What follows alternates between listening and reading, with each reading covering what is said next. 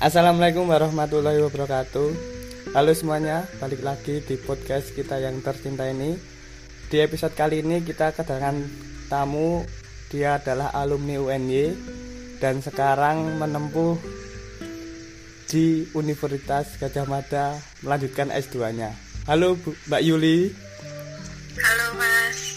Gimana kabarnya? Alhamdulillah baik. Sehat juga toh? Alhamdulillah Di selama pandemi ngapain aja mbak? Selama pandemi tetap eh, kerja mencari sesuap kuota. Hmm, nggak balik ke nganu kampung.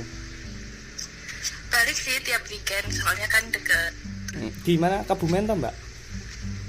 Kebumen. Hmm, dari Jogja.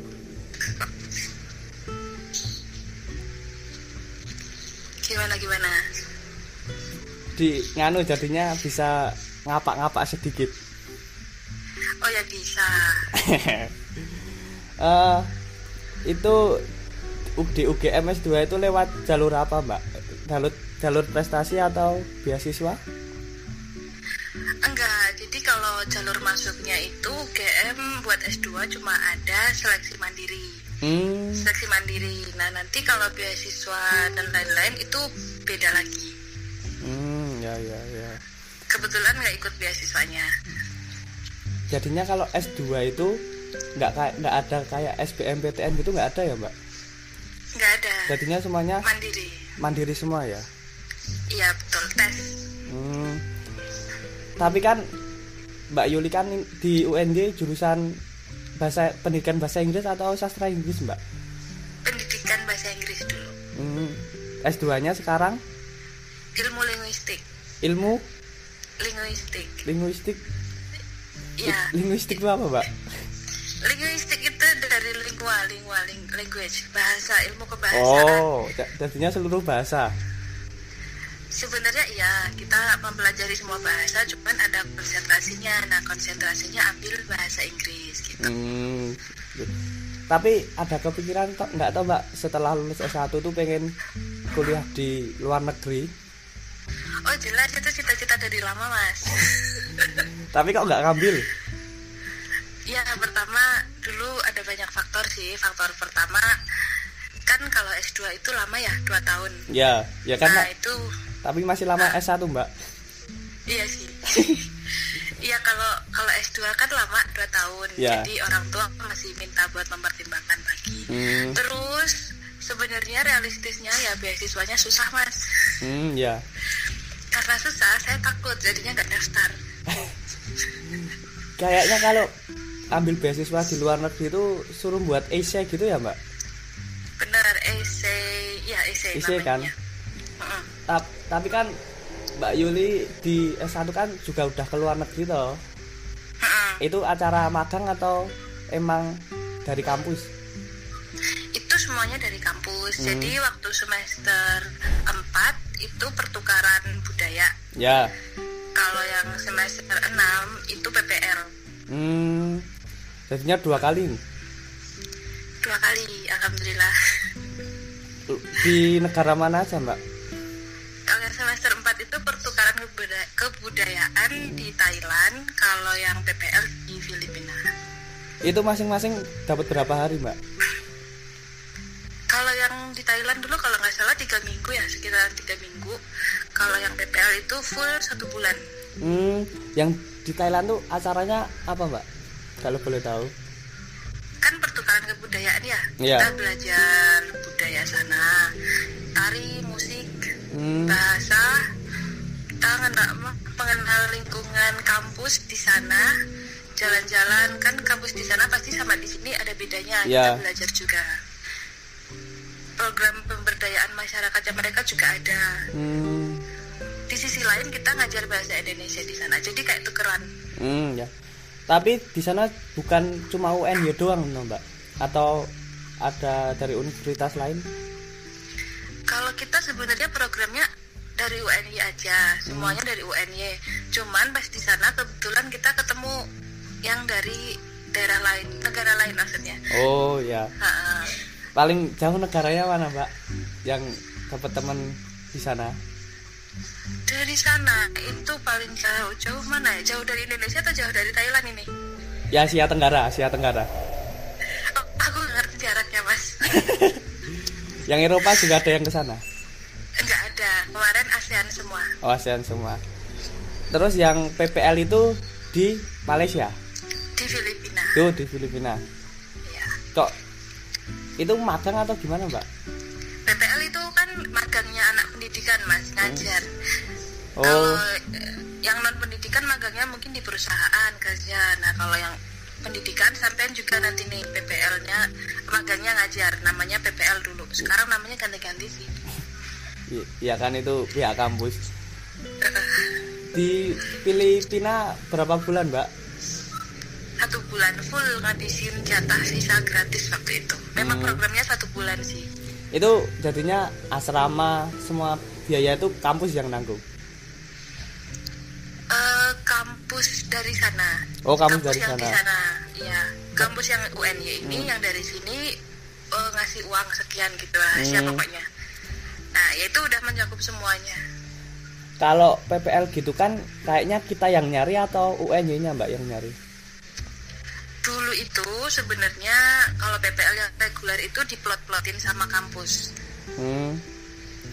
awalnya mungkin milih ya cuman kan ada kuota tiap sekolahan jadi biar merata nanti sekolahan yang peminatnya masih dikit pasti bakal di uh, mahasiswanya bakal ada yang diplot-plotin ke sana gitu Oh. nggak tahu sih kebijakan yang sekarang Hmm. cuman kalau PPL internasional itu kita memang seleksinya PPL internasional seleksi UNY itu Hmm.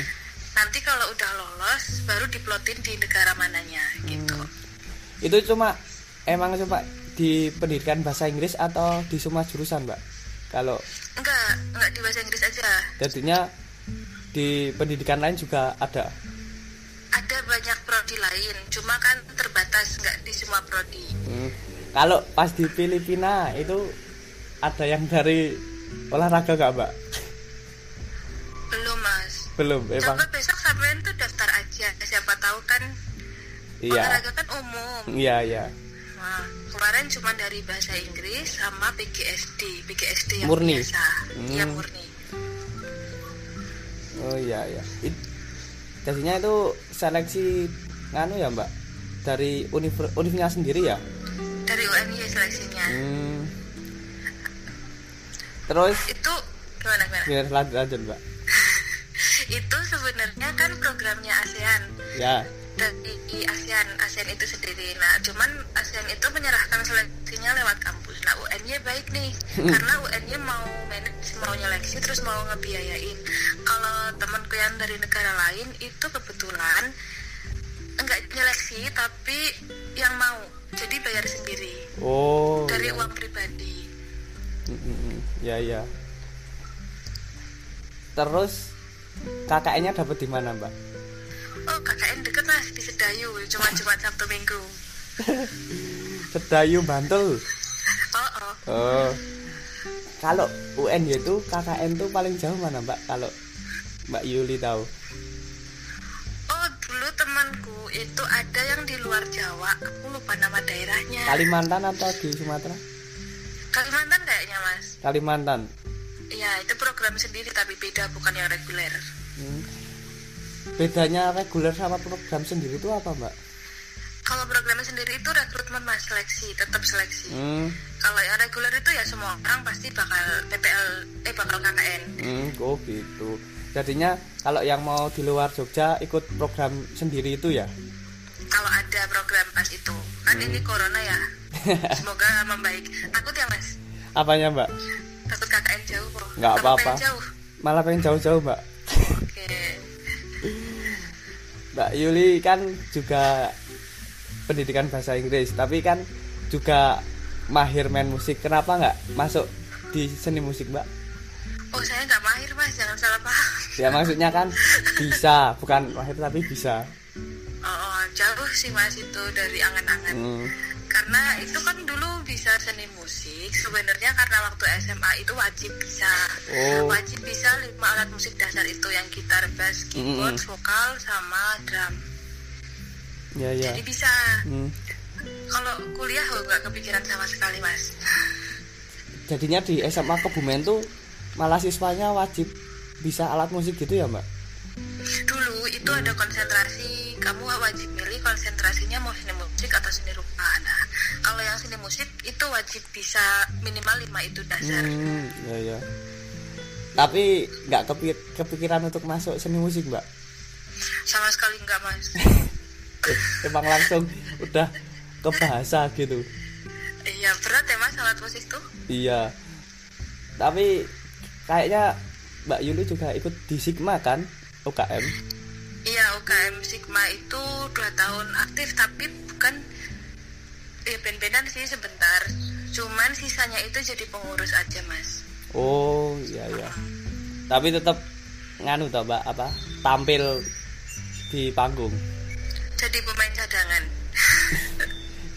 Kalau dulu megangnya apa mbak? Megangnya stick. Drum? Iya. Hmm. tapi kok malah nggak di penyanyinya malah ke drummernya. Oh nggak bisa nyanyi aku mas. Apa apa emang pengen yang di belakang? Kan drummer kan penu, di, penutup kayak apa di bagian belakang itu. Dulu itu sebenarnya waktu masuk UNY itu udah nggak bisa gitar nggak bisa bass nggak bisa keyboard udah lupa semuanya memang dilupain sih. Mm-mm. karena itu susah mas. Iya iya itu emang bisanya tinggal itu yang tersisa ilmunya tuh tinggal itu tinggal ngedram Hmm. bisanya cuman itu. Hmm. nggak ada pilihan lain. Tapi kalau misalnya Mbak Yuli itu udah tampil berapa kali? Selama pul- selama SMA sampai sekarang?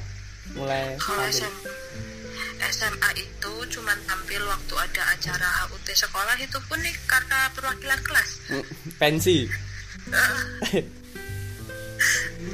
ya kalau di Sigma lumayan ada beberapa sih ya mungkin 10 sekitaran itu ada soalnya memang dulu Sigma kan sering banget ada event dan sering diminta bantuan sama UKM kampus lain buat ngisi. Nah itu digilir kan. Iya iya. Ya tapi untuk Sigma yang sekarang kasihan. Karena pandemi ini nggak bisa buat konser mbak. Di studio aja. Atau- atau emang masih ngikutin Sigma UN nggak sih mbak? Udah enggak ya mas. Soalnya soalnya kan udah alumni terus sekarang teman-teman yang seangkatan itu juga banyak banget beberapa sih. Ada yang stay tapi banyak yang udah lulus banyak yang udah kerja banyak yang udah nikah. Hmm ya ya. Mbak Yuli nggak kepikiran ke nikah? Yuk kepikiran toh mas. Kamu juga pasti kepikiran tuh iya tapi kan kamu gimana? Tapi kan menyelesaikan apa pendidikannya dulu. Iya sama. Tapi kalau di UGM sendiri ikut UKM nggak mbak? Enggak S2 itu bener-bener rasanya tuh nggak ada waktu dan udah nggak pengen. Jadi kalau misal ada waktu luang pengennya ya cari duit dah itu aja itu teman-teman juga teman-teman S2 di sana juga kayak gitu. Jadinya nggak kepikiran untuk ikut UKM ke sana ke sini kalau UKM kayak aku belum tahu sih selama ini cuman adanya di HIMA himpunan mahasiswa yang pasca sarjana tapi. Hmm, tapi juga gabung di Hima itu mbak? Enggak. Enggak. Emang pengen kupu-kupu kuliah pulang kuliah pulang oh kuliah kerja. Kalau S1 dulu nganu kuliah pulang sekarang S2 nya kuliah kerja. Oh kalau S1 lumayan mas. Aku dulu sering banget di SC oh iya iya. Sampai sore sampai malam tiap hari. Kalau S2 rasanya ah dulu udah pernah. Capek. Hmm, ya sekarang kerjanya nganu apa mbak? Kerjanya gimana kalau online gini mbak? Ini kebetulan kemarin kan kerja full time ya habis lulus S1 terus kerja full time setahun Iya. kontrak habis terus S2 nah pas S2 ini dapat beberapa kerjaan tapi yang bukan kontrak mas. Hmm. jadi semacam oh kamu bantuin tiga bulan? Oh ya tak bantu tiga bulan nggak apa-apa gitu. oh gitu. Ya ya kayak waktu di UNJ itu juga ya Hmm. buat ngisi waktu aja. Cuma buat yang penting nggak tabrakan sama ta nganu kuliah ya mbak. Kuliah yang di UGM gitu ya iya tapi ini aja berani ngambil kontrak tiga bulan setelah corona jadi nggak kuliah kan jadi Hmm. siang bisa di rumah di kos Iya. kalau waktu kuliah itu bener-bener nggak bisa nyambi kerjaan macam-macam paling cuma terjemahan ngeles satu dua Iya. itu aja udah jarang Tapi kalau ngeles masih enggak sih Mbak? Mbak Yuli itu? Ngeles bahasa Inggris gitu. enggak. Udah enggak? Soalnya Udah pan- enggak, pandemi lama. gini ya Mbak. Susah ya kalau pandemi kalau mau online nanti siswanya nggak ngerti. aku yang males Eh, iya. susah mas Iya, iya. Kalau UGM udah masuk Mbak atau belum? September kayaknya sama Hmm, kita sama iya ya. Ngomong-ngomong tentang yang musik tadi Mbak, nganu. Mbak Yuli itu pernah nggak toh apa pas mau konser tuh merasa insecure itu pernah nggak? Konsernya sih sebenarnya nggak konser yang gede-gede banget sih Iya. mas. Paling cuma konser yang ditonton temennya sendiri. Itu insecure tetap ada, Hmm, grogi tetap ada. Dilihat orang banyak kan. hmm. Tapi untuk rasa kurang percaya diri tetap ada ya Mbak kayak gitu. Ada, jelas ada. Hmm. Apalagi kalau pertama kali groginya minta ampun. Pertama kali. Tapi ini sih mas, teman-temannya tuh baik. Jadi eh, misal aku lupa ketukannya, misal temponya belandang gitu, Hmm. diingetin Iya. pakai iya. kode. adalah kode-kode itu tapi nggak mau gabung-gabung band-band kayak nganu mbak lainnya bikin YouTube kan sekarang lagi zamannya bikin band terus bikin YouTube bikin single gitu nggak mbak nggak kepikiran sebenarnya skillku tuh nggak sekeren itu. Aku tuh cuma bisa-bisaan aja. Jadi Hmm. dulu tuh cuma buat ngisi waktu. Emang emang nggak nggak mau fokus di musik sih dari awal. Eh, balik lagi yang tadi menurut mbak Yuli itu insecure tuh apa mbak Insecure itu pas kita tuh ngerasa nggak pede, minder, atau mungkin kita sebenarnya kayak ngeremehin diri sendiri. Hmm. Tapi Gimana? di Hah? dalam hidup mbak yang membuat insecure tuh apa Yang membuat insecure itu lebih ke lingkungan sih. hmm. Wah ada berisik mas, gimana nih? Ya. Mau pause dulu. Eh, tadi sampai mana tadi di Yang bikin insecure. ah, ah. ada nggak mbak cerita yang buat mbak insecure tuh cerita sedikit ada itu paling parah waktu pemilihan jurusan jadi waktu S1 mas waktu mau masuk kuliah itu hmm. kan emang udah planning dari SMP SMA itu pengen kuliah di ilmu hukum Hmm. nah pas pemilihan SNMPTN itu bentrok nih di dalam otak antara mau mentingin jurusannya atau mau mentingin lokasinya nah kan saya kan dari Jawa Tengah ya Iya, Jawa iya. Tengah cuma boleh milih satu kampus di luar provinsi. Kalau mau dua salah satunya harus di salah provinsi Hmm. Jawa Tengah. Nah waktu itu benar-benar nggak pengen buat kuliah di selain Jogja. Jadi memang udah idealis pengen di Jogja dari dulu. Ya Nah di Jogja itu ilmu hukum cuman ada di waktu itu ya yang negeri ya UGM sama UIN. ya ya Melihat UGM, nggak pede ya, nggak berani. Ngelihat UIN waktu itu kalau nggak salah ada hal yang aku bikin nggak pengen di UIN gitu ya. Aku momok momoknya tuh ya ada bahasa Arab, Hmm, ya. ada ya itu yang nggak bisa sama sekali. Akhirnya sisa satu kampus nih UNY. Nah karena insecure nggak bisa masuk UGM dan nggak mau masuk UIN, bener-bener nggak pede sama diri sendiri. akhir Untuk S ah, akhirnya oh ada UNY nih lihat-lihat dulu di UNY kira-kira jurusan apa ya yang ah, cocok. Oh ya bahasa Inggris. Kalau sastra Inggris, oh nggak nggak suka baca, bener-bener nggak suka baca, Iya. nggak suka sastra. Akhirnya ini pendidikan bahasa Inggris ambil satu jurusan satu kampus. Hmm. jadinya it- itu pas senam senam PTN ya mbak Yuli tuh bukan SPM Iya jadinya benar. SNM iya SNMPTN dulu. ambilnya UNJ semua Cuma satu mas UNY satu jurusan itu aja. hmm. dari sekian banyak pilihan hanya UND yang dipilih uh, uh, dan lolos pada jadinya dulu Mbak Yuli malah pengennya masuk ke hukum iya bener-bener cita-cita dari SMP SMA cuman pas udah waktunya milih waktu udah saatnya harus milih jurusan di SNMPTN di komputer tuh rasanya insecure parah banget sampai akhirnya ngekliknya aku malah ngeklik UNY kan berdampak besar tuh. Tadinya tuh hamin satu hamin satu baru berubah pikiran atau uh, hamin ya waktu milih jurusan itu di, di depan laptop. Terus orang orang tua gimana? Waktu itu kan uh, nggak pernah kepikiran buat lolos di UNY pendidikan bahasa Inggris. Ya. Bener-bener nggak kepikiran mau lolos. Makanya waktu itu udah nyiapin les SBMPTN udah Hmm. bayar les itu Iya, iya. waktu itu. Hmm. udah insecure nggak bisa masuk di UGM insecure juga nggak masuk di UNY akhirnya ikut les bayar mahal. Nah tapi ternyata insecure-nya itu bener-bener nggak guna nggak bener nyebelin. Akhirnya lolos di UNY dan lesnya berhenti. yang- iya uangnya nggak bisa balik. Ih. Tapi udah berjalan berapa bulan mbak itu lesnya tiga minggu kalau nggak salah. Terus senam BTN pengumuman. Hmm, pengumuman kok lolos? Ya yang namanya lolos pasti senang lah ya. Iya. Lolos? Terus orang tua nanya lah gimana? Kamu udah terlanjur les SBM atau mau maju terus SBM-nya gitu kan. Ah males. Nggak pede kalau tes SBM nanti malah nggak lolos. Gimana? Ini adanya ini ya udah ambil aja.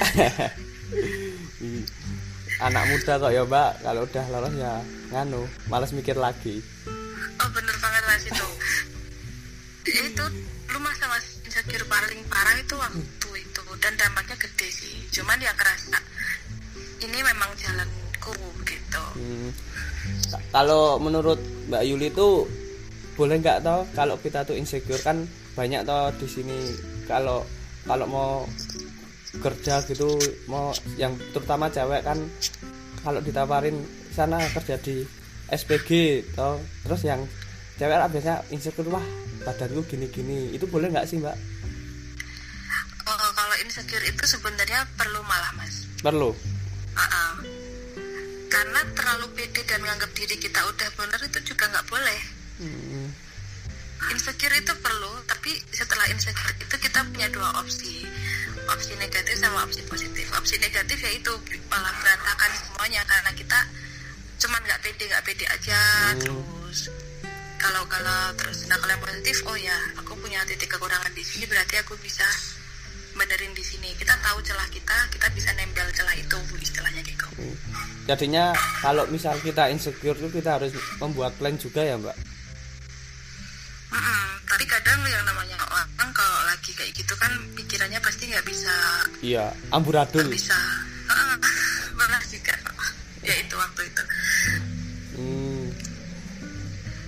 Iya sih mbak kayak gitu. Terus yang kalau misalnya orang-orang yang membuat insecure tadi kan lingkungan toh mbak. Kalau ya apa tipsnya agar nggak insecure tuh menurut mbak Yuli gimana? kayak kita tuh eh, eh, sebenarnya bikin insecure itu bisa diri sendiri bisa lingkungan kalau yang diri sendiri itu kadang kita terlalu banyak ya lingkungan juga sih intinya. Kita terlalu banyak banding bandingin diri kita sama orang lain. Terus kita meragukan kemampuan kita sendiri. Nah kita kalau mau ngomongin tips kita harus tahu dulu akar-akarnya di mana. Hmm, ya misal kamu terlalu banyak banding bandingin sama orang lain terus kamu jadinya insecure ya udah berarti jangan terlalu banding bandingin hmm, tapi ini intinya biar gak insecure itu kamu harus benar-benar kenal sama dirimu sendiri kamu lah yang paling mengenal dirimu sendiri gitu. ya ya. Tapi pernah nggak tahu mbak nemuin temen atau yang lainnya lagi insecure curhat tuh pernah? banyak sih mas apalagi zaman zaman baru lulus S1 zaman wah yang ini si ini udah dapat kerjaan di tempat yang ini dia udah dapat kerjaan yang PNS gitu pasti, pasti banyak yang insecure termasuk aku juga sih Iya. Terus saat misalnya temen Mbak tuh bilang kayak gitu yang yang dilakuin Mbak Yuli apa? Atau nenangin dia atau mau diajak main atau gimana? Eh, sebenarnya aku tuh bukan tipe orang yang omongannya enak ya dengerin pas lagi curhat ada tipe orang yang diajak curhat tuh bisa nenangin yang kedua itu yang ada di pikirannya tuh cuman nyari solusi nyari solusi. Padahal sebenarnya itu nggak boleh ya. Iya. terus-terusan nyari solusi. Kadang orang butuh diterima dulu. Oh ya nggak apa-apa kamu sedih nggak apa-apa kamu Mm. uh, insecure gitu. Cuman kadang yang aku lakuin tuh justru pengen nge-push dia motivasi. Nah itu buat beberapa orang nggak cocok. Jadi aku pastiin siapa dulu yang curhat. Kalau emang itu orang deket yang udah lama kenal tuh mungkin tahu karakter tuku kayak gitu Mm. nah aku bakal berusaha nge-push uh, motivasi terus ada ngasih tips-tips tapi kalau orang itu yang nggak terlalu deket biasanya cuman jarang sih mas orang yang nggak deket curhat iyalah pak masa masa kan nganu apa waktu yang masa yang jauh tiba-tiba curhat sama nganu tapi yang jauh Iya, jadi yang curhat itu palingnya biasanya ya cuma orang-orang terdekat aja. Hmm. Tapi untuk pas selama kayak ngelesi gitu pernah nggak di nganu mbak curhati sama siswanya kayak insecure inse- insecure siswanya gitu pernah Sering mas dulu zaman bukan di kelasmu tapi. iya kelas juga ada mbak terlalu pede kelas saya itu Oh iya benar. Kamu. Tak mungkin juga.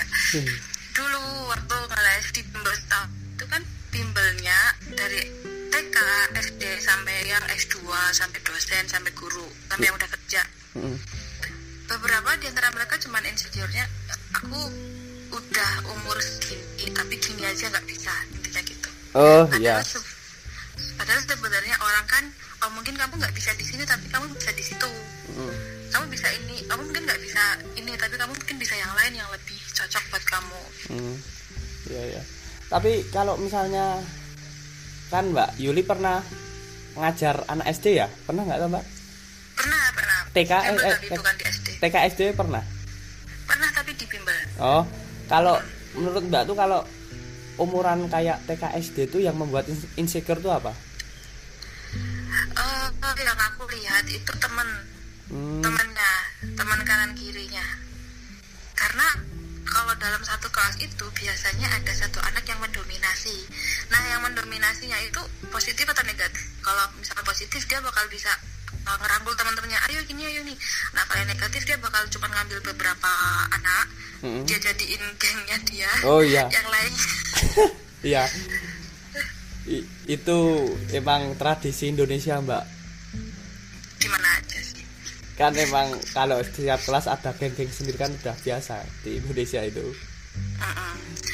ya di drama Korea juga banyak Mbak Yuli mungkin terlalu selama corona terlalu banyak lihat drama Korea. oh bener mas bisa sampai lima jam lebih sehari Udah nonton yang is is okay be okay Mbak, yang itu yang baru itu. Oh, jelas itu ngikutin mas ongo- ongoingnya. Jadi dramanya selesai aku udah selesai nonton. Kalau nonton juga kamu mas. aku cuma cuma tahu aja kan trending di Twitter Mbak. Cuma lihat oh. Ada episode ini.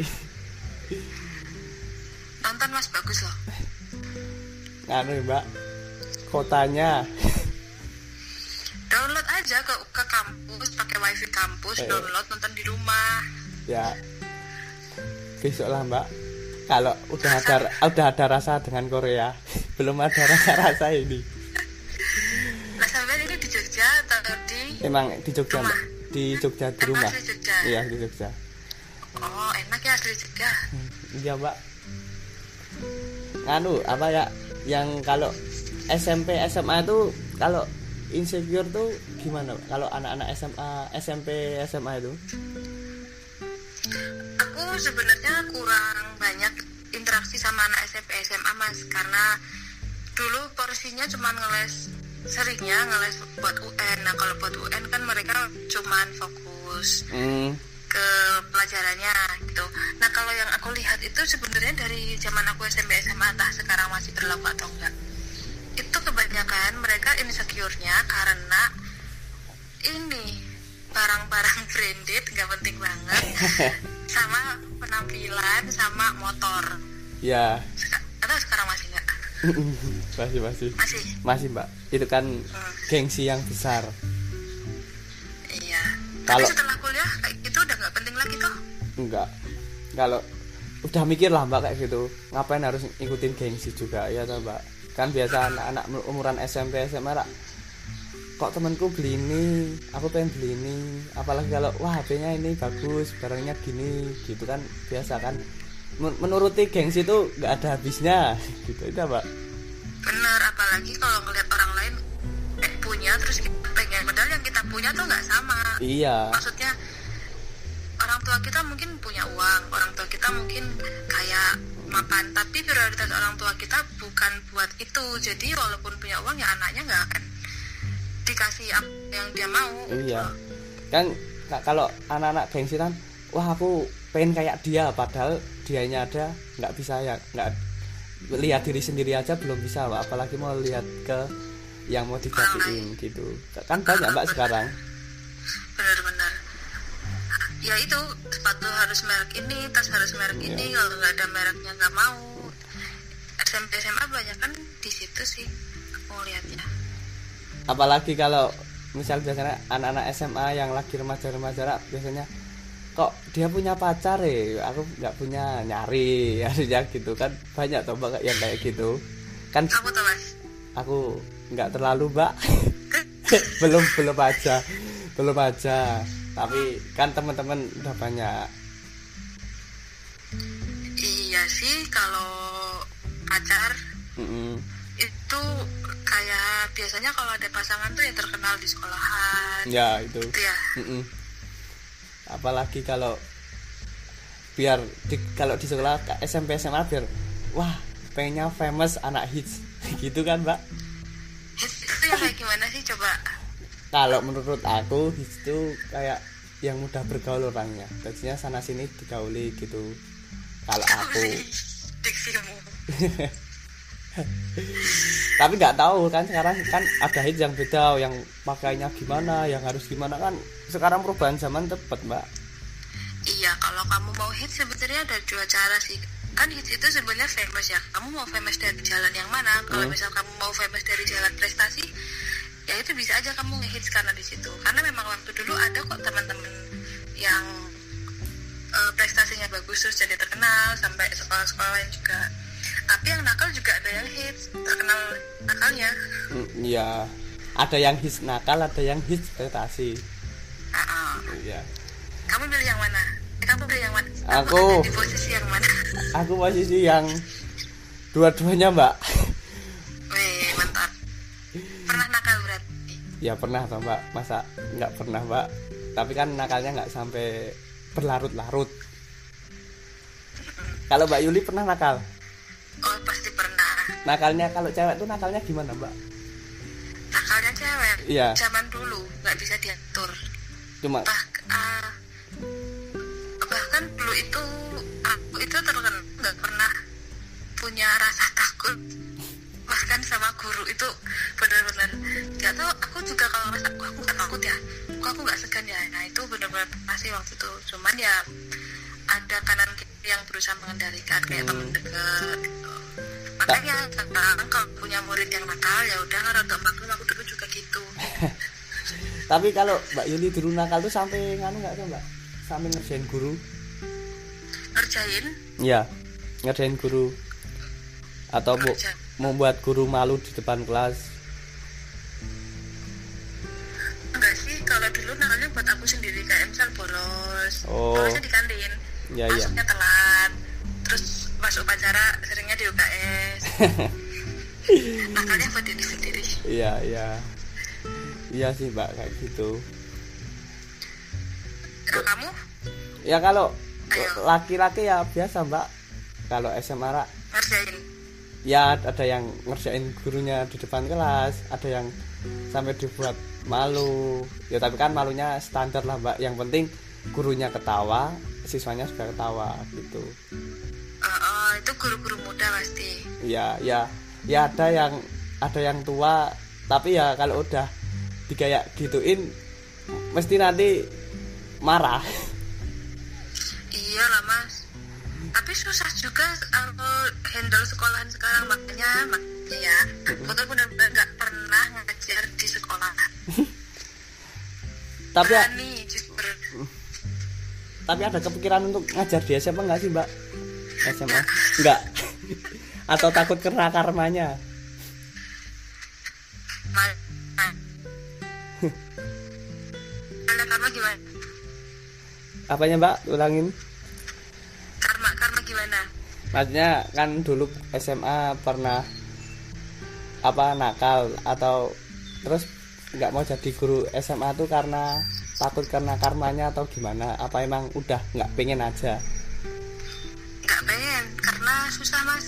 Uh, dulu kan sebenarnya waktu PPL diplotin di SMA di Jogja, Hmm. di MAN. Nah itu rasanya udah insecure banget takut banget gimana aku Iya. ngajar anak SMA. Hmm. Eh tahu-tahu ada kabar keterima di PPL internasional lolos. Akhirnya nggak ngajar di MAN. Terus aku pikir cuman sekolahan di Indonesia aja nih yang kayak gini. Ternyata waktu di Filipina itu kan aku juga ngajar high school ya di sana SMA. Ya sama aja. Di Iya. mana-mana tuh anak SMA, SMP SMA tuh sama aja.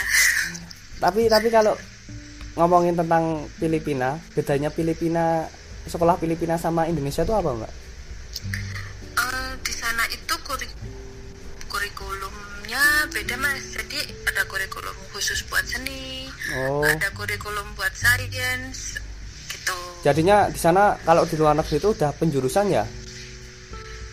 Tapi itu dari sekolahnya mas kayaknya bukan dari pemerintahnya. Oh iya iya iya. Tapi kok kalau di sana tetap SMA SMP itu tetap ada seragamnya atau udah bebas? Ada bajunya mereka seragamnya itu ada sampai kuliah. Kalau kuliah itu mereka punya seragam satu dua itu dipakai di hari-hari tertentu misal khusus hari Senin Selasa gitu. Oh ya kalau di Filipina itu upacaranya tiap hari mas. Setiap hari. Ya, kalau Iya, upacara setiap hari ya kayak Indonesia gitu mbak upacara gitu. Iya kan kita cuma hari Senin. Kalau di sana tiap hari. Apa kalau Mbak Yuli pernah bilang pernah nganu nggak? Tanya sama siswanya pernah bosen nggak tahu upacara setiap hari itu? Pernah? Eh, pernah nanya itu bukan bosan tapi nggak capek kok gitu.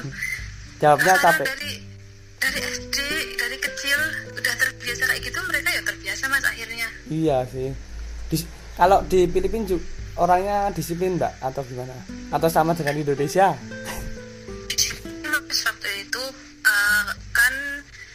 sana itu full day school. Hmm ya ya. Full day itu jam 7 udah masuk pulang jam 5 disiplin sih mereka. Soal waktu. Jam 7 masuk jam 5 pulang itu lima hari kerja atau enam hari mbak kalau di sana? Aku agak lupa kayaknya Sabtu masuk deh mas. Eh Jadi- enggak deh enggak enggak enggak cuma sampai Jumat. Oh ya sama Indonesia jadinya. Emang Indonesia jam 5 enggak jam berapa jam setengah aku yang ngerasain full day school itu kan kelas 2 SMA atau mbak? Eh 2 SMA kayaknya. Kan itu kurikulum kan udah berubah jadi full day school. Itu jam 7 sampai jam habis asar. Habis asar itu paling setengah empat jam 4 pokoknya habis sholat asar itu pulang. Itu aja udah sambat mbak. Apalagi yang di jam 5 di Filipina. Sih kayaknya mas. Apa udah biasa sih mereka mungkin. Iya. Udah biasa. Kalau kalau kita kan tuh suruh pulang jam 5 jam setengah 4 rasanya udah gurunya juga. Iya berat rasanya. Apalagi kan kalau misalnya di Filipina kalau ekstra itu gimana mbak? Emang habis jam 5 itu langsung ekstra atau gimana? Atau emang full day itu jangan sampai jam 5 itu udah sama ekstra? Enggak ekstra itu ya itu setelah itu. Setelah jam 5 setelah jam 5 atau di Sabtu Minggu. Biasanya mereka Sabtu Minggu tetap ke sekolahan ya itu banyak kegiatan-kegiatan. Kayaknya diplotin di Sabtu Minggu. Hmm, tapi malah orang sana seneng ya. Kalau sekolah tuh wah ekstra nanti ketemu temen gitu-gitu. Beda kayak sama Indonesia. Sabtu Minggu malah dibuat main.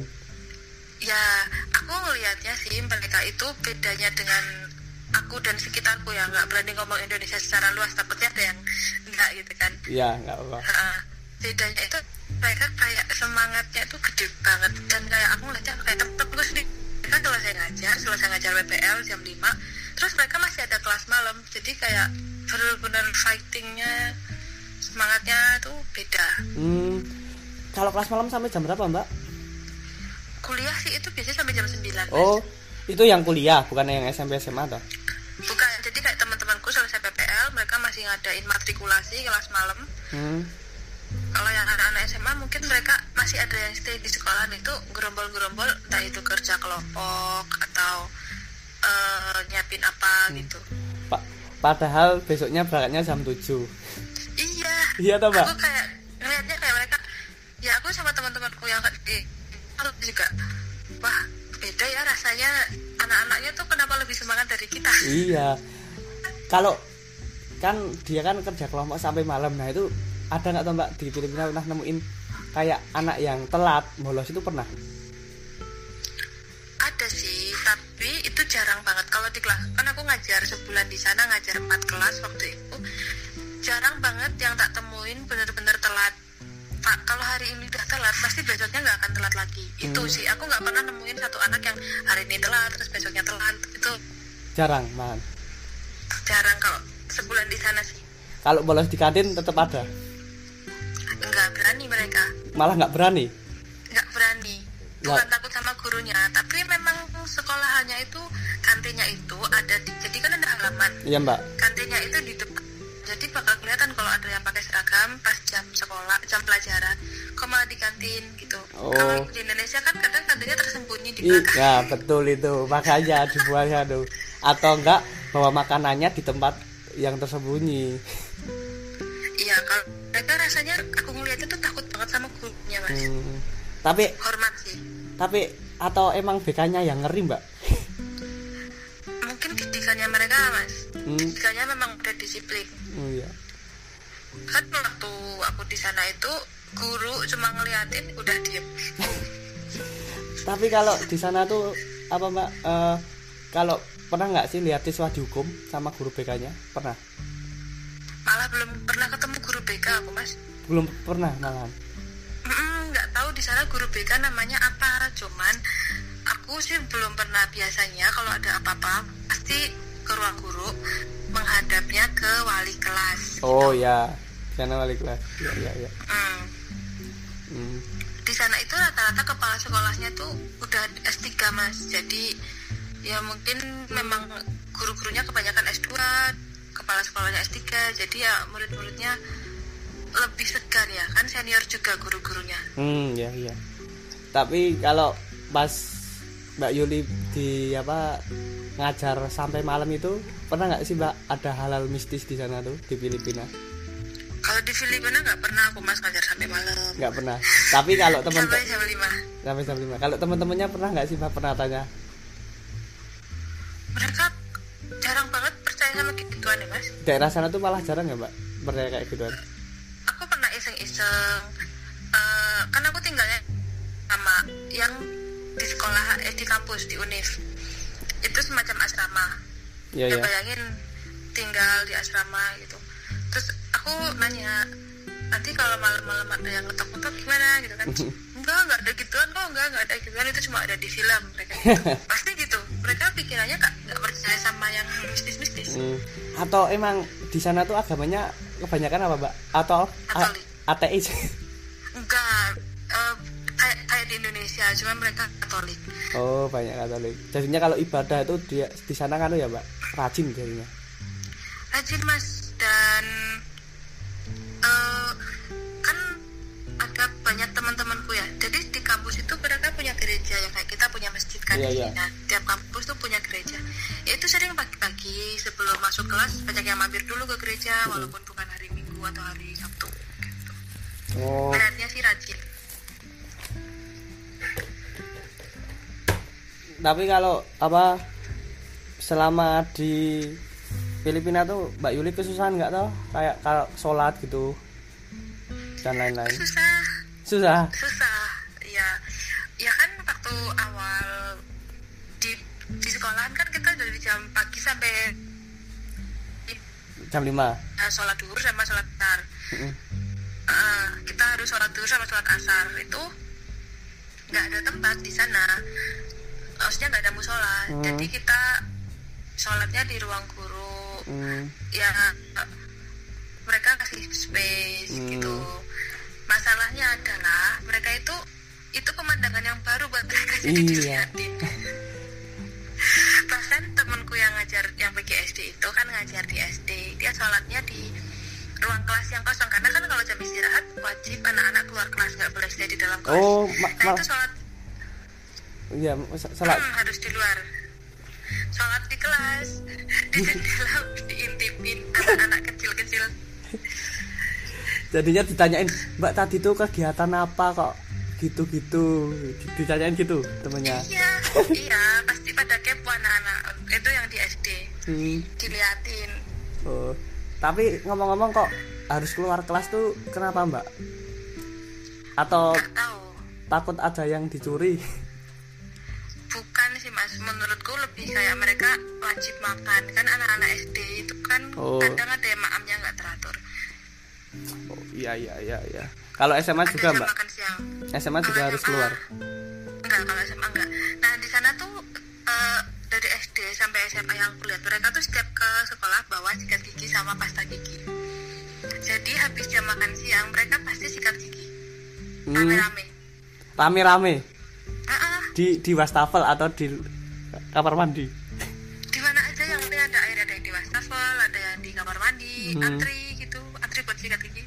Nah itu pemandangan baru sih buat aku. Kayak di sini enggak ya? Boro-boro mbak bawa nganu paling anak FIK mbak itu mbak yang bawa sikat gigi sama sabun. Habis olahraga kan harus mandi. Iya kamu kamu kalau di MIK mandi sehari berapa kali? Ya kalau nganu habis kalau aku kalau paginya udah mandi nanti habis olahraga itu toh mandi lagi. Biasanya mandi soalnya gerah mbak biasanya tuh habis olahraga. Tapi yang nggak langsung habis olahraga mandi ditunggu berapa menit dulu kan nggak boleh toh habis olahraga langsung mandi kan nanti apa suhu suhu badannya itu ya oh iya ya bener juga katanya bikin sakit gitu Iya, jadinya kan biasanya kayak gitu telat masuk matkul, udah biasa mbak itu. Hmm, Kecuali kalau gitu. dengan dosen-dosen yang agak ngeri ya dicepetin mandinya. kalau misal sehari ada sesi olahraga praktek lebih dari satu berarti mandinya lebih dari satu juga ya itu tergantung orang-orangnya mbak. itu tuh pernah hari apa ya itu? Jadinya tuh semester kemarin apa ya? Darinya kelasku tuh paginya pencak silat, habis pencak silat nanti ada gateball, habis gateball itu jam satu renang.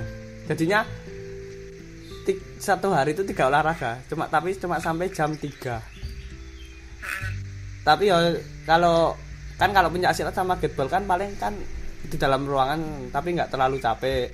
Nah, yang pada sambatnya kalau kelasku tuh renang di jam satu mbak. Soalnya kan panas. Nah, itu pada sambat gitu. Kan dulu kan sore tapi kan kalau sore banyak yang umum toh. Nah dijadiin di jam satu gitu. Iya kalau jam satu orang-orang juga males. Iya. Kalau ada kalau ada tuh mesti bule mbak. Itu pernah ada renang bule gitu. Oh, mau ini sekalian berjemur. Iya mungkin gitu. Mbak Yuli nggak pernah renang di UND apa mbak? Pernah. Pas nganu sarjana. Kemarin belum lama sih Hmm. habis corona. Eh, sebelum corona kok habis corona sih? Oh, Sebelum PSBB corona, nih. di ke FIK tapi seringnya pagi. Oh, katanya eh, katanya harus bilas dulu ya mbak? gilas Iya kan? Maksudnya selama PSBB Ra, masuk terus katanya harus ke ruang kamar mandi dulu katanya, terus bilas, habis itu baru boleh nyemplung gitu kan? Atau gimana? ah oh itu belum pernah soalnya masih takut juga sih sebenarnya Hmm, jadinya selama corona ini belum pernah nganu renang di sana. belum mas terakhir aku renang di sana itu kayaknya sekitaran Februari ya ya. Hmm, Februari itu selesai kelas pokoknya selesai kelas nganu kelas kita.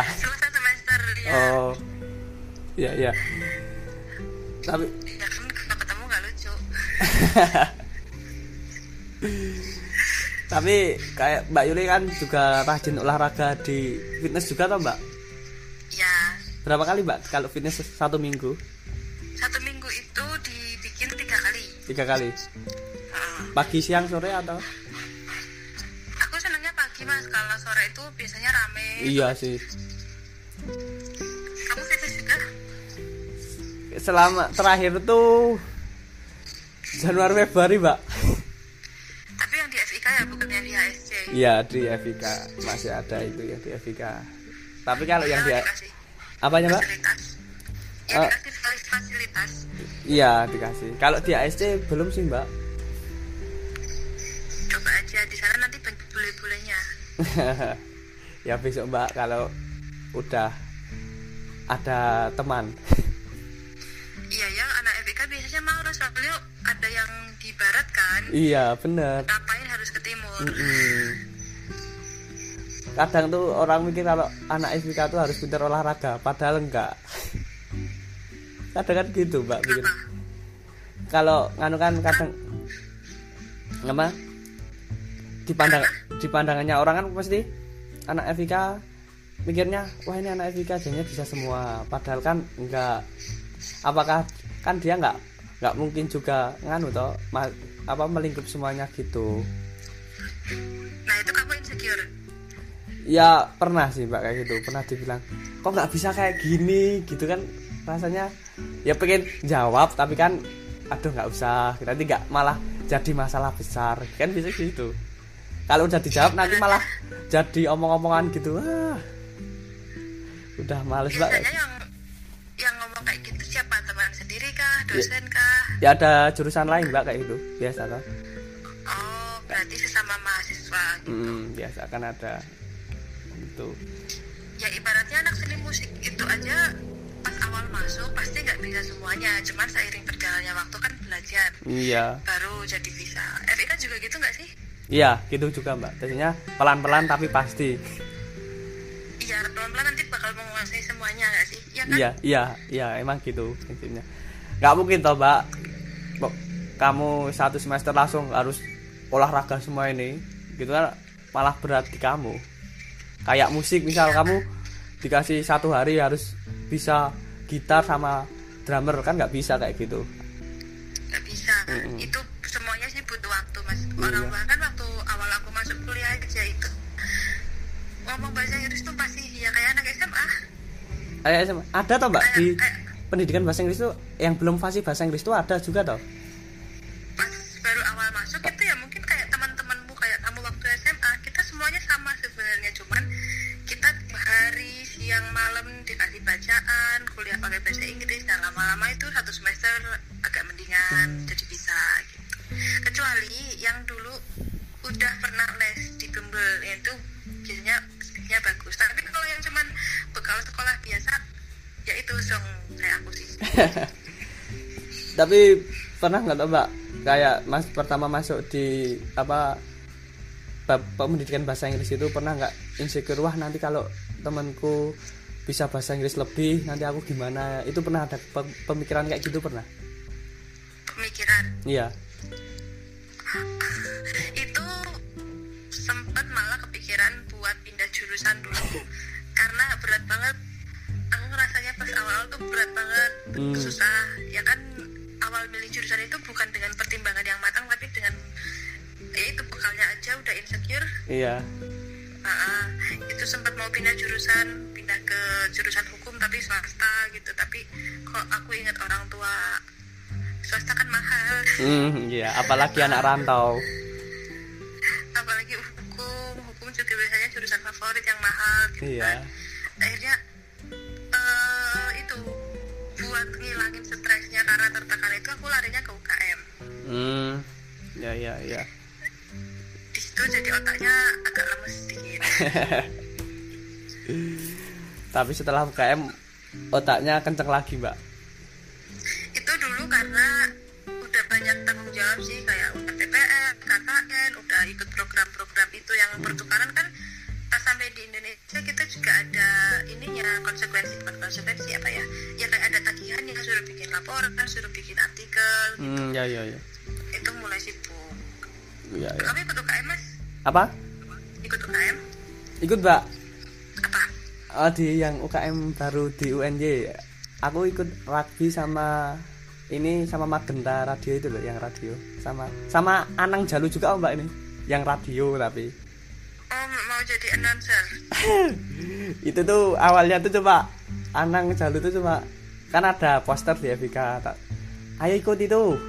Yang lainnya ya gas gas langsung daftar. Kan itu seleksi toh mbak. Ditanyain pernah ikut radio enggak yang yang nek kalau saya sama Jalu itu agak pernah yang kasihan tuh anangnya. Anaknya kan sebelum wawancara tuh tanya sama aku sama Jalu ini radio, radio yang bagus tuh apa? Tuh sama penyiarnya apa? Soalnya kan kalau Anang lebih ke dengerin podcast gitu. Jadinya ya alhamdulillahnya tiga tiganya keterima. Ada yang nggak terima tapi temanmu? Alam kan yang daftar aku Anang sama Jalu. Nah itu keterima semua alhamdulillah. Oh. Terus habis itu kan aku belum bayangin Jalu ngomong. Jalu itu nganu mbak. Itu logatnya logat Jakarta. Jadinya bukan anak Jawa enggak. Bukan logat-logat anak Jogja Jawa Tengah gitu enggak. Itu malah keren. Iya. Kan di Mag Magentara kalau jalur ngomong kan nganu bagus emang bagus. Dan harusnya kan sekarang kita naik siar tapi karena corona ini ya udah ya gimana lagi? Gitu. oh, aja. Kalau aku udah yang jalur sama Anang itu masih pikir-pikir gitu. Apa yang bikin podcast kamu doang? Kenapa yang lainnya enggak? Ya mungkin kan ya mbak. Apa itu kayak itu apa pribadi seseorang? Kan biasanya gitu. Harus menemukan feelnya dulu saat membuat podcast. Kalau ada yang feelnya kalau buat podcast wah aku kalau buat podcast ada yang tentang puisi gini-gini gitu kan ada. Tapi kan kalau mungkin teman-temanku belum menemukan feelnya itu keinginan membuat podcast itu belum ada gitu mungkin. Mungkin juga ini sih ya sibuk sih ya. Iya benar kan corona ini mungkin ada yang sibuk pacaran atau sibuk nganu ada loh mbak kayak gitu. Kamu? Kalau aku enggak mbak. Janganlah jangan dulu. Oke kan kamu nih masih mata ya semester 3 ya? Ya masuk semester 3 ya kita sama-sama mata berarti. Enggak aku mau tanya kalau menurut kamu semester 3 ini kamu lebih suka fokus ke mana fokus ke UKM kah? Fokus cari jodoh? Ya maksudnya cari jodoh itu juga bukan hal yang buruk ya karena aku juga Iya, iya. semester bener. Nah kira-kira kamu tuh mau fokus di mana dari semester 3 ini kalau semester 3 ini kan online ya mbak. Kalau UKM juga belum mulai. Ya kalau anu fokus kalau bisa fokus dua-duanya. Imbang gitu loh mbak. Ya cari jodoh iya. Cari UKM juga iya. Jadinya kalau kita kalau misalnya fokus UKM kan kita bisa ke prestasi. Kalau kita dititik beratkan ke fokus cari jodoh nah itu kan apalagi kalau kita udah mengenal cinta lah, biasanya kata orang sih bisa goblok nah gitu. Jeleknya itu di situ loh mbak kalau udah nganu itu. Tapi kan imbang aja lah gitu. Cinta tuh boleh tapi jangan goblok. Iya kan mbak? Ya ya ya itu caranya jangan cari pasangan yang goblok. Emang pernah ketemu pasangan goblok mbak? Bel- ya kan aku pacaran dari semester itu belum pernah ganti mas. Oh dari langgeng ya mbak? Alhamdulillah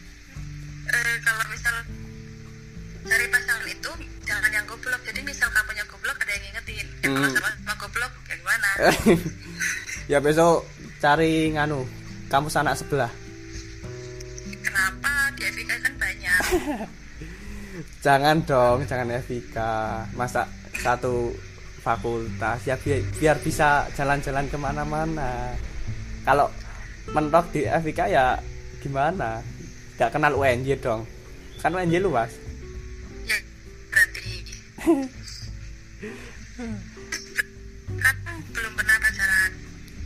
ya kalau dibilang belum pernah salah paham mbak. Pasti pernah. Pasti pernah. Pasti pernah. Kalau bung kalau bukan pacarannya, pasti deket tuh pernah. Tuh kalau di UNJ belum. Di UNJ belum. Belum belum. Berarti berarti kamunya uh, ini memang belum mau atau justru jangan-jangan kamu insecure?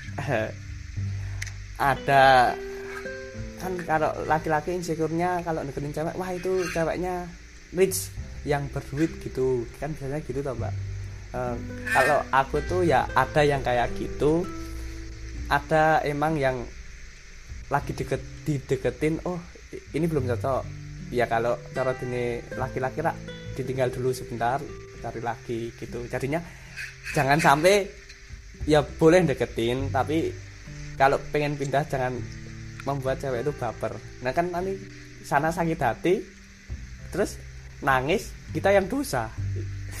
Kalau menurutku sih mbak gitu. Kalau kamu mikirin dosa jangan pacaran. Nah itu ya udah nggak usah. Ya ya kadang kan mikir kadang mikir toh kalau cewek nangis gara laki gara laki-laki nanti laki-laki dosa. Lah kenapa laki-lakinya itu pa- macarin dia kalau udah mikir dosa? Gitu toh mbak. Ah, iya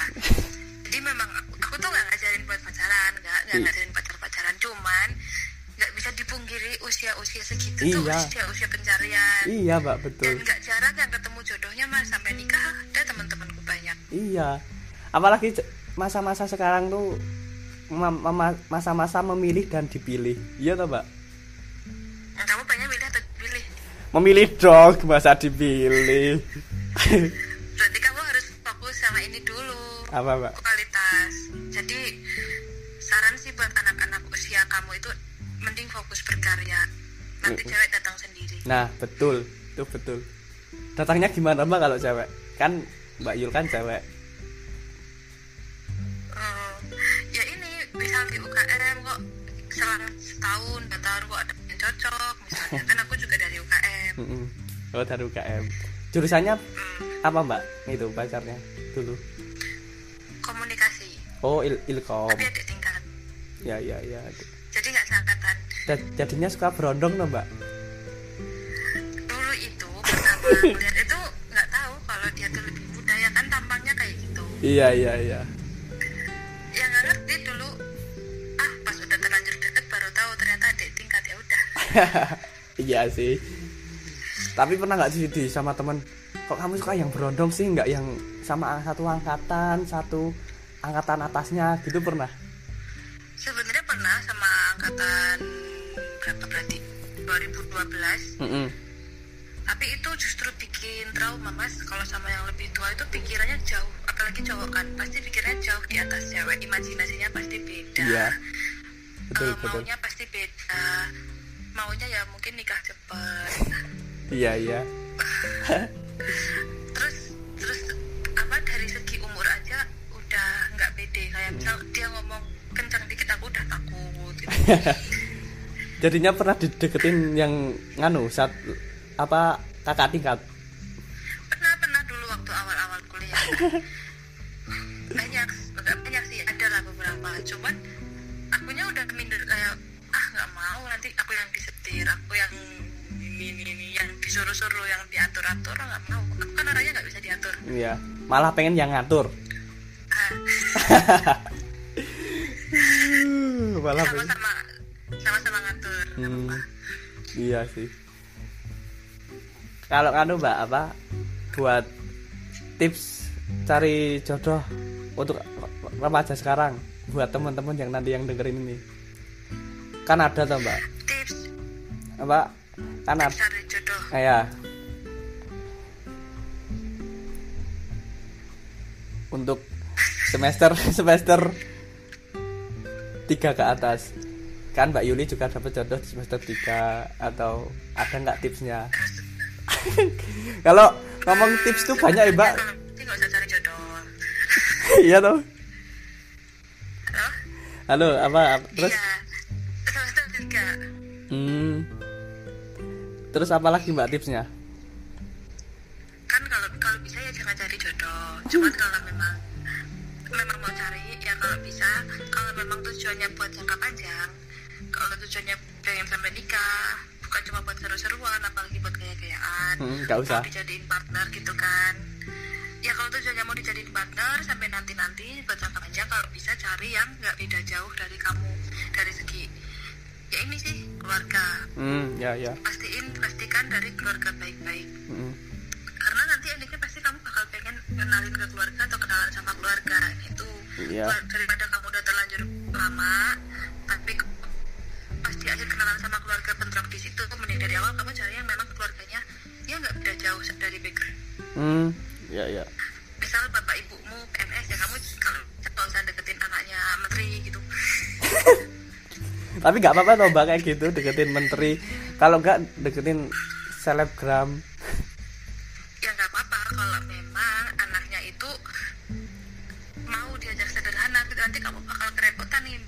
bagi dia kalau misal dia nggak mau menyederhanakan dirinya iya gitu. iya. Eh, iya sih mbak kayak gitu. Tapi kalau ngomongin kayak tips-tips cari jodoh tuh banyak mbak. Tergantung orangnya juga toh mbak. Kalau kita kasih tips ini mungkin kalau ngomongin apa tips-tips cari jodoh tuh tetap error.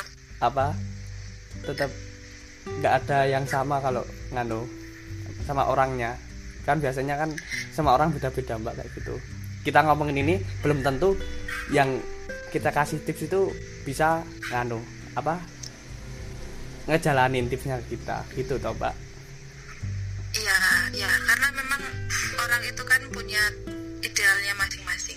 Cuman kalau itu buat aku sih soal urusan keluarga itu penting. Karena nggak jarang teman-temanku yang udah terlanjur tiga tahun, empat tahun, tapi kok bentrok keluarganya. Gitu. hmm, ya. Dan yang pasti, misal ya, misal eh, yang satu dari keluarga biasa aja, yang satu dari keluarga broken home. Pasti yang dari keluarga biasa aja itu nanti bakal ya kalau mau ikhlas nerima ada tapi yang namanya orang tua biasanya pasti pengen anak itu jatuh ke keluarga yang sama baiknya Hmm, ya, ya. Kalau menurut Mbak kan Mbak kan Mbak Yuli kan nganu kalau menurut Mbak tuh pernah kepikiran nggak atau pacar sama abdi negara? enggak Nggak, malah nggak suka atau emang nggak suka? Kan banyak tuh sekarang Enggak kalau wah pacaran sama abdi negara nanti masa depannya cerah gitu kan ada tuh Mbak. ini bau-baunya kamu lagi insecure sama abdi Hmm. negara po Enggak Mbak, coba tanya aja. Kan kan enggak ini kan banyak yang anu toh di sosmed sosmed juga banyak yang ada yang pengen abdi negara gitu-gitu. Gitu kan tanya aja.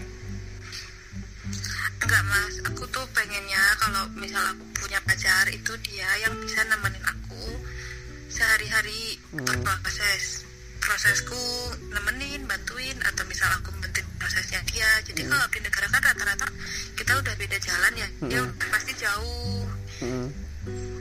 Harus harus ikut pemerintah juga gitu.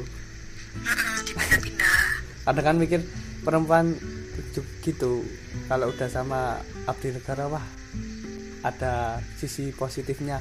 Padahal yang kuliah juga malah lebih ada yang lebih baik gitu tau mbak. ya mungkin versi lebih baiknya orang kan beda-beda Ya, mungkin betul. Itu memang bukan yang terbaik buat aku karena aku orangnya nggak bisa ditinggal maksudnya bukan nggak bisa ditinggal ya nggak suka kalau pacaran itu cuma buat status aku pacarmu kamu pacarku tapi kamu jauh di sana aku di sini sendiri ngapain Oh iya. Jadinya tipenya nggak suka LDR no mbak. ya betul harus harus nemenin berproses atau berproses bareng Ya ya ya. Eh, udah satu jam mbak kita ngomongin kayak gini. Paham? malah ngomongin jodoh ya Pengennya tadi ngomonginnya insecure malah ke jodoh. iya padahal aku belum ketemu jodoh Ya semoga cepat dapat. Terus nganu mbak untuk pesan-pesan buat teman-teman yang insecure itu apa pesan-pesannya? pesannya itu insecure itu nggak ada obat selain kamu sendiri jadi eh, nggak insecure kamu harus jadi orang yang paling kenal sama dirimu sendiri jadi ketika ada sesuatu trigger yang bikin kamu enggak kok aku juga bisa ini juga lebih baik gitu. Dan kalau misal udah terlanjur insecure nggak apa-apa. Insecure itu kadang juga perlu biar kamu tahu Ya ya ya. mana kamu perlu diperbaiki kamu tahu kekurangan lapar confident juga. Cuman ketika kamu insecure itu usahain eh, bisa membangun yang positif bisa memperbaiki berusaha nangkep yang bolong-bolong. Dan jangan sampai kamu cuman karena kamu insecure karena sebenarnya insecure itu kan dari otak Ya ya. dari otakmu sendiri Hmm. eh, hancurin dirimu sendiri dan bikin masalah yang sebenarnya itu bukan masalah Hmm. Udah mbak. udah aja Oke. Terus buat terus buat apa pesan buat yang teman-teman cari jodoh. Tapi untuk pesan yang cari jodoh, nganu no bang ap- apa mbak? Pakai bahasa kamu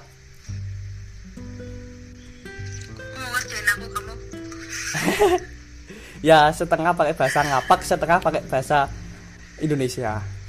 Boleh dong. emang ngerti yang diajak ngomong Ya siapa tahu nanti uh, ngerti ada orang ngapak juga.